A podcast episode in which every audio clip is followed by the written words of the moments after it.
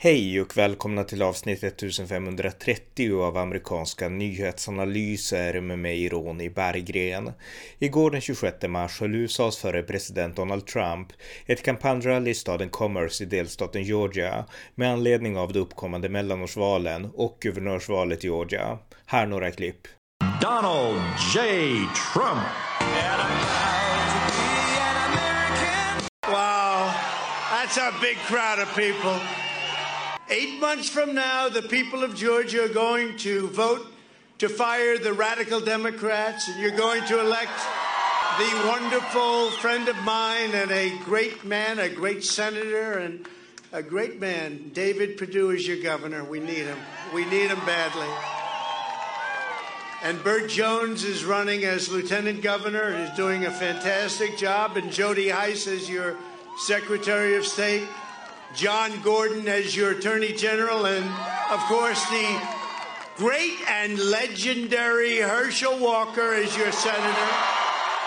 Right here in your state, we're going to throw out a very, very sad situation that took place. Your Rhino Governor Brian Kemp. And we're going to replace him with a very strong person and a fearless fighter. And somebody that frankly got screwed in the last election, David Perdue. Never lost in his life. Unlike Kemp and his crony Brad Raffensperger, David Perdue will never surrender to Stacey Abrams and the militant radical left. Not going to happen. With your vote, we're going to rescue the state of Georgia from the rhinos. We're going to rescue your state from the radical left, and then we're going to ready, make America great again. As everyone knows, the evidence of cheating and fraud in the election was monumental. Kemp and Raffensperger sat by and did nothing. They did nothing. And nobody can understand why. Why wouldn't you do it? The truth is, I ran twice, I won twice, and I did much better the second time. And now we just may have to do it again.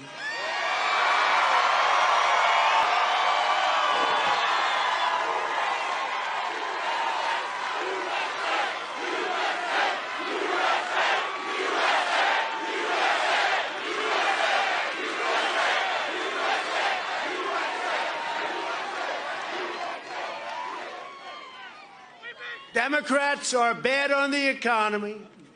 They're horrible on inflation. They're terrible on the military, bad on taxes, bad on Ukraine. Should have never happened.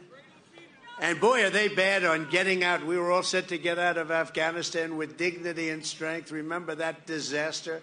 You know, without that, you might not have seen Ukraine because I think Putin was watching and he said, man, these people are incompetent. The only thing they're good at, frankly, is cheating on elections. They're experts at that. You could take the five worst presidents in American history and put them together, and they would not have done the damage Joe Biden has done in just 15 months. In just over a year, he has managed to kill, literally kill, the American dream. But do not lose hope because with the right leadership, America will be back greater, stronger, and more powerful than ever before. Joe Biden's been one train wreck after another. Just take a look at what he's doing out at NATO. Ay, ay, ay, uh, these people. These people don't believe our representative. He disgraced our nation with his humiliating surrender in Afghanistan. Inflation is now, as you know, just reported highest in over 40 years. Gas prices are the highest in history. Think of that. And we had them below $2 a gallon. Think of that. And now it's going up to 5, 6, 7, 8, 9, 10. How high can you count? Our borders are completely demolished. Bloodthirsty criminals are laying waste to our Democrat run cities. There were more COVID deaths in 2021 than there were in 2020 with all the work we did, too. Who would have believed that? And just when you thought it couldn't get worse, Joe Biden totally failed to deter Russia's disgraceful invasion of Ukraine. All those people are dead. Putin's heinous attack on a proud and sovereign nation shocks the conscience of every person of goodwill, shocks the conscience of the people of Georgia, I can tell you, where we spent a fortune on your vets and we spent a fortune on rebuilding your military right here. What a job we did. The invasion of Ukraine should never have happened. And as everyone is saying, if I was in the White House and they've had actually, I remember Sleepy Eyes Chuck Todd. Did you ever hear of him? He's a sleepy son of a bitch, and he's on. He's on a show called Meet the Fake Press. But he said, How come he was talking to Blinken? And he said, So how come this never happened on Trump's watch? Why didn't it happen? He said they knew better. They did know better. They know better. But it would have never happened in Ukraine. It would have never happened, 100% certain. And remember, I was the one, you know, when you look at what happened to those tanks, man, were they devastated. But I was the one that sent the javelins, not Obama. Obama sent blankets, you remember? They said he only sends blankets and pillows. In fact, I stand as the only president of the 21st century on whose watch Russia and Putin did not invade any other country. He never invaded. And also during my four years, China never invaded Taiwan. Remember, they said, uh, oh, China's going to invade Taiwan. That never happened. I said, President Xi, you're not going to do that.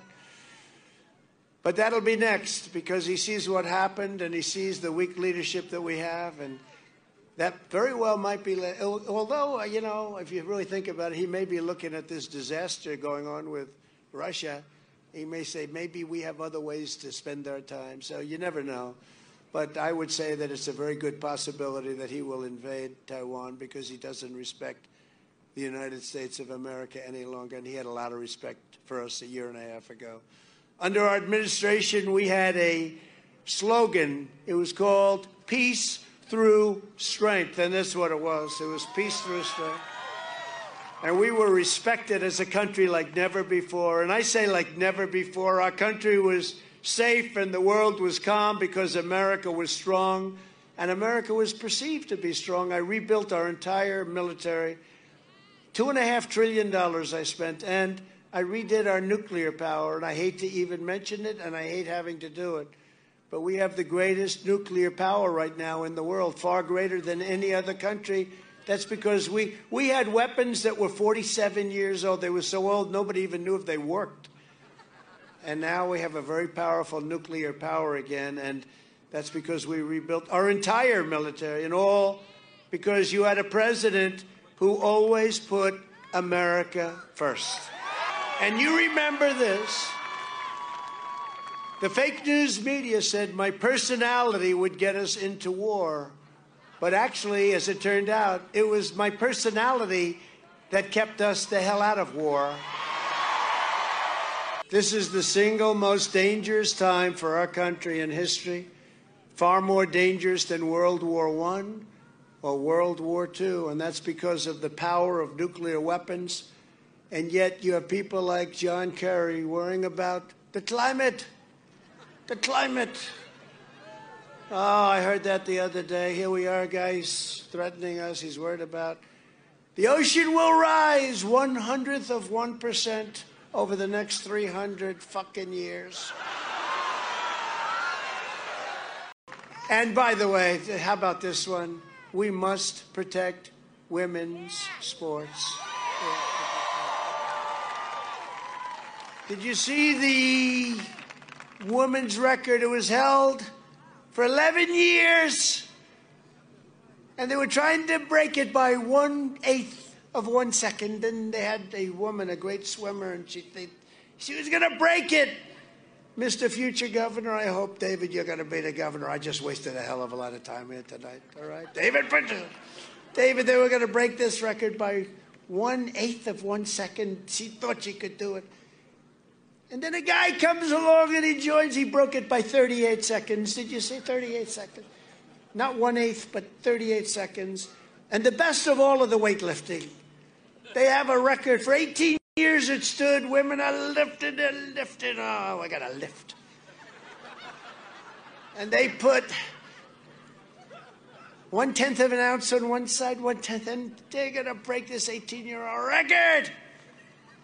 And this guy comes along. One hand. Broke it by many, many pounds. They said, Have you lifted before? No, I haven't. I've just started. No, but you know how unfair that is to women? It's so ridiculous. It's so ridiculous. It's so ridiculous. And, and nobody, I mean, if you're a coach, you want to win, right? So who you want on your team? Who do you want on your team? You want to win? You want to have a good basketball team? Who do you want? It's so unfair to women. It really is taking away women's rights, and you can't do that. The left has become so extreme that we now have a justice being nominated to the Supreme Court who testified under oath that she cannot say what a woman is.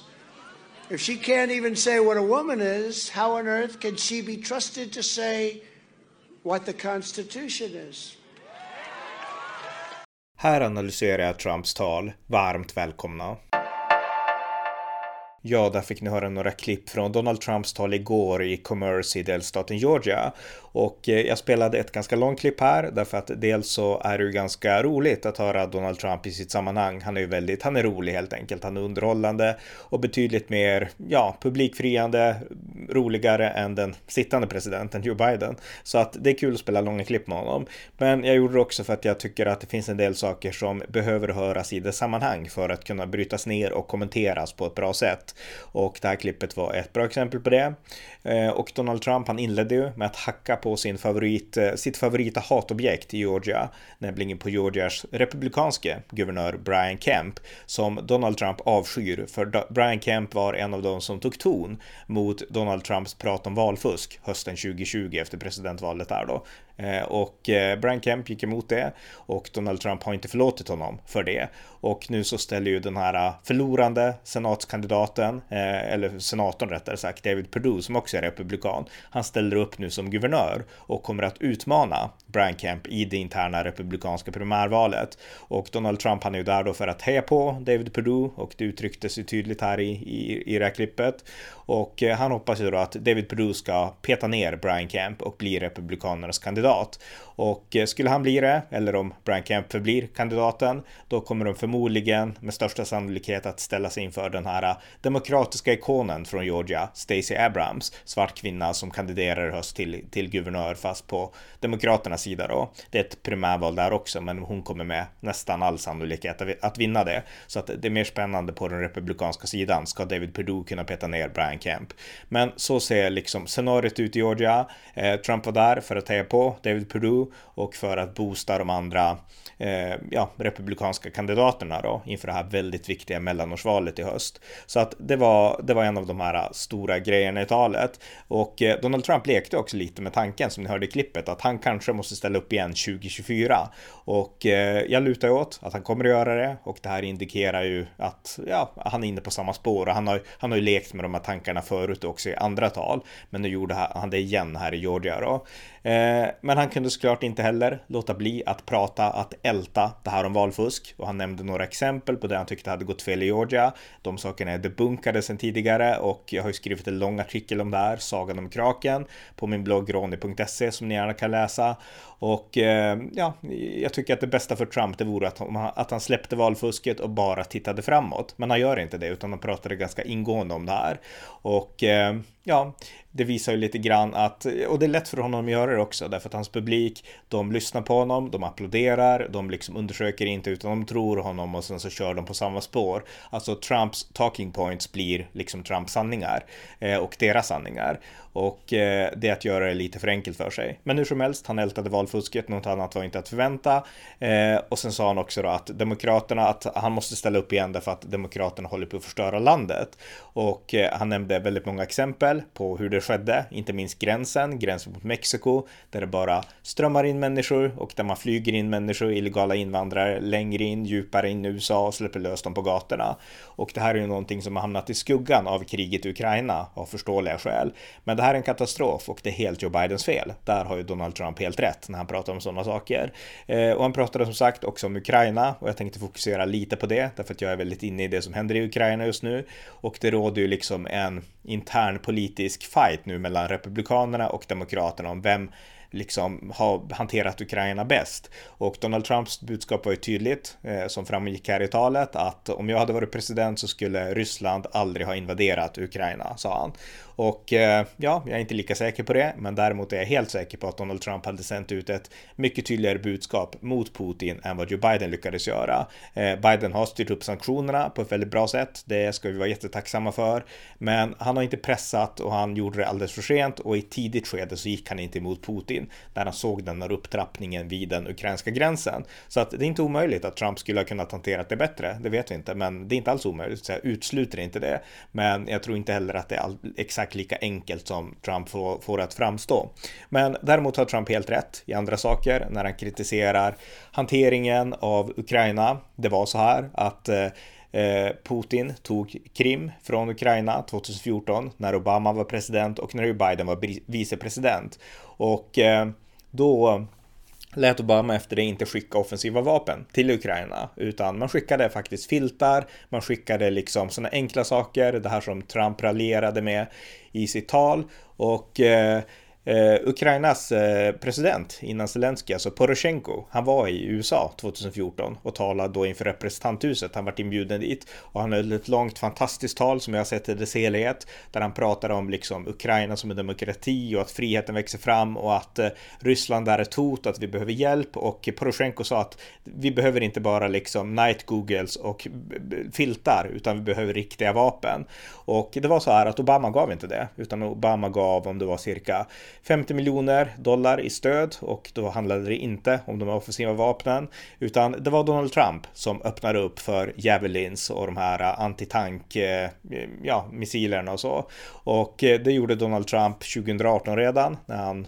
ja, relativt nyss hade blivit president och eh, han, han lossade då paket på ett antal, om det var 400 miljoner dollar för, för det här. Men han var också liksom lite försiktig Trump och tyckte att Eh, Eh, han ansåg då att, eh, att Ukraina var korrupt och han ansåg att de här ska vara inlåsta, de här vapnen i västra Ukraina. Så att i början av kriget så fanns de där, de fanns inte ute på fronten eller liksom i östra Ukraina där striderna pågick. Så att det skulle vara mer avskräckande. Sen har det släppts upp nu efter att det här kriget bröt ut. Då. Men Trump var också försiktig, det är viktigt att komma ihåg det. Så att han har inte liksom den här glasklara policyn heller, har han inte haft mot Ukraina. Och vi ska också komma ihåg att det var Trump som frös Eh, 400 miljoner dollar i ett stödpaket till Ukraina 2019 eh, i ett samtal med, med president Zelensky. Och han ville då att Zelensky skulle utreda Hunter Biden och dennes liksom förehavanden i Burisma och i, i Ukraina då.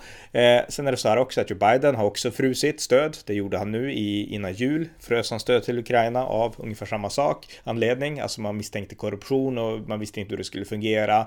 Eh, kongressen pressade på att du måste släppa stödet, men Joe Biden var seg. Nu såklart har man ju ändrat sig, men den här rädslan för korruption i Ukraina, den har funnits och eh, både Donald Trump och Joe Biden och även Barack Obama har varit misstänksam mot den, bör sägas. Sen har man hanterat det på lite olika sätt, men poängen är att det finns liksom ingen glas solklar tråd med att Donald Trump hanterade det här bäst och Biden har gjort det sämst eller vice versa. Utan båda partier har haft lite olika ingångar hur man ska hantera ett Ukraina.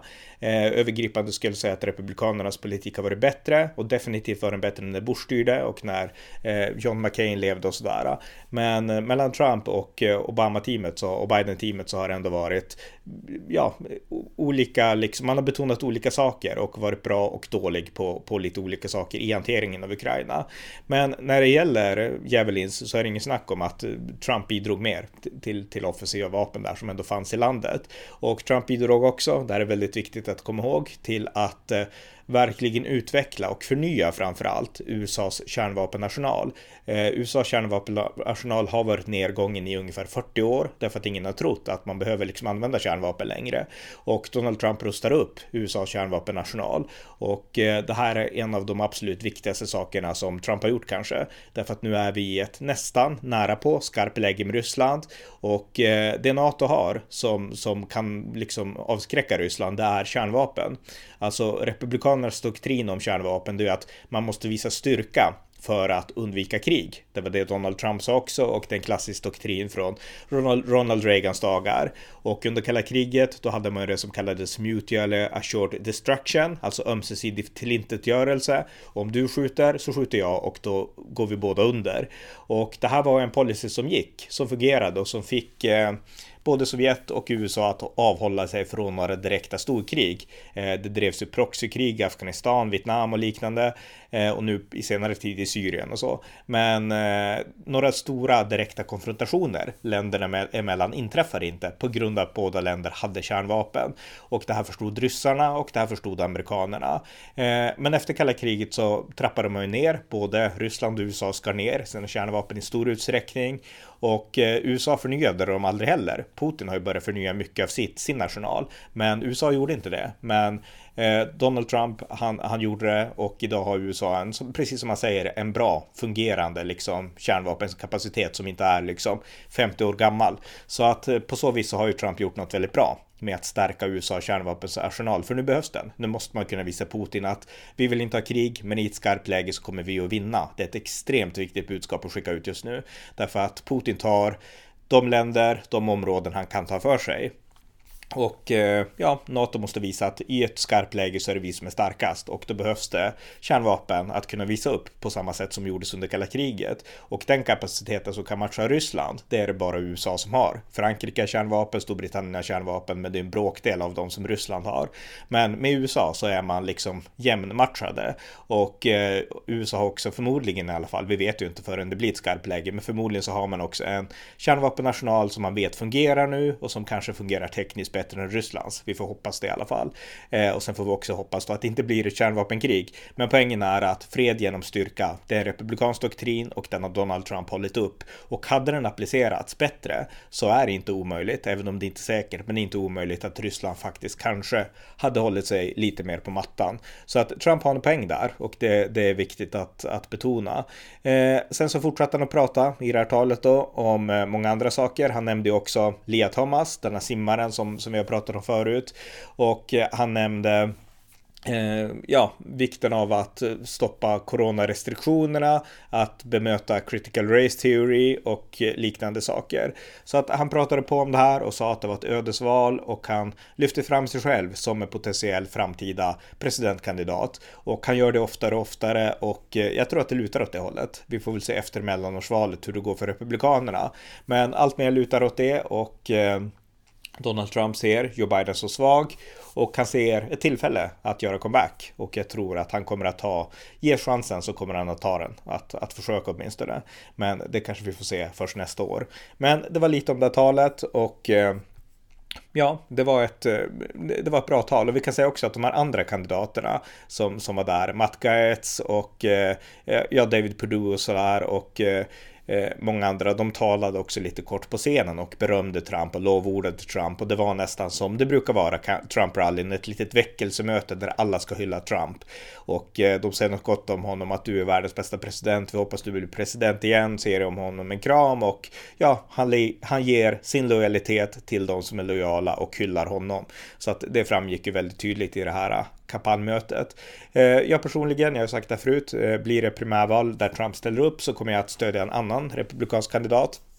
Eh, därför att jag anser att Trump har ja, han, eh, han lyckas inte komma bort från de här överdrifterna och det här med att älta valet och liknande. Men däremot är det extremt viktigt att eh, Republikanerna vinner, både mellanårsvalet nu och eh, presidentvalet 2024, därför att Demokraterna har inte en politik som bygger på den här principen fred genom styrka. Och det är precis det som behövs för att stabilisera världen. Så att jag hoppas att Republikanerna, helst inte Trump, men i värsta fall ändå Trump. Men det viktiga är att Republikanerna vinner så att de kan ställa den här principen först i liksom på frontlinjen. Eh, för den amerikanska utrikespolitiken och på så vis upprätthålla Pax Americana, det amerikanska skyddsparaplyet över hela världen, inte bara då såklart Europa utan även Asien, Afrika och Mellanöstern och liknande. Det är av högsta vikt därför att Putin har verkligen visat nu vad som händer när USA är svagt, när USA uppfattas svagt och när USA backar, då tar de här andra krafterna tillfället i akt att ta ett steg framåt och det är väldigt farligt. Så att det var min korta kommentar och min analys av Donald Trumps tal och jag tyckte det mest intressanta, för det, vi har hört mycket förut, men det mest intressanta det var att han indikerade att han vill ställa upp och att han ändå betonade skillnaderna mellan sin politik mot Ukraina och Bidens politik. För det trollas väldigt lätt bort. Alltså i det här historiska perspektivet, jag vill betona det avslutningsvis, så är det ändå så att det är Republikanerna som är det tuffa partiet mot Ryssland och Demokraterna som är det mjuka partiet mot Ryssland. Det måste hamras in därför att nu pratas det väldigt mycket även i svensk media om att Biden är tuff och så och jag stöder Biden, jag stöder det han gör. Men eh, eh vi bör komma ihåg att eh, Republikanerna, det är det tuffa partiet mot Ryssland i USA. Det finns liksom ingen anledning att betvivla det, för det är så. Så att, eh, ja, kan avsluta med det. Så att det var min korta analys av Donald Trumps tal. Ni har lyssnat till avsnitt 1530 av amerikanska nyhetsanalyser. Just nu pågår ett fruktansvärt krig i Ukraina. Stöd gärna podden genom att skänka en slant till valfri organisation som ni har förtroende för, som bistår Ukraina i dess kamp och lidande. Det var allt för den här gången. Tack för att ni har lyssnat.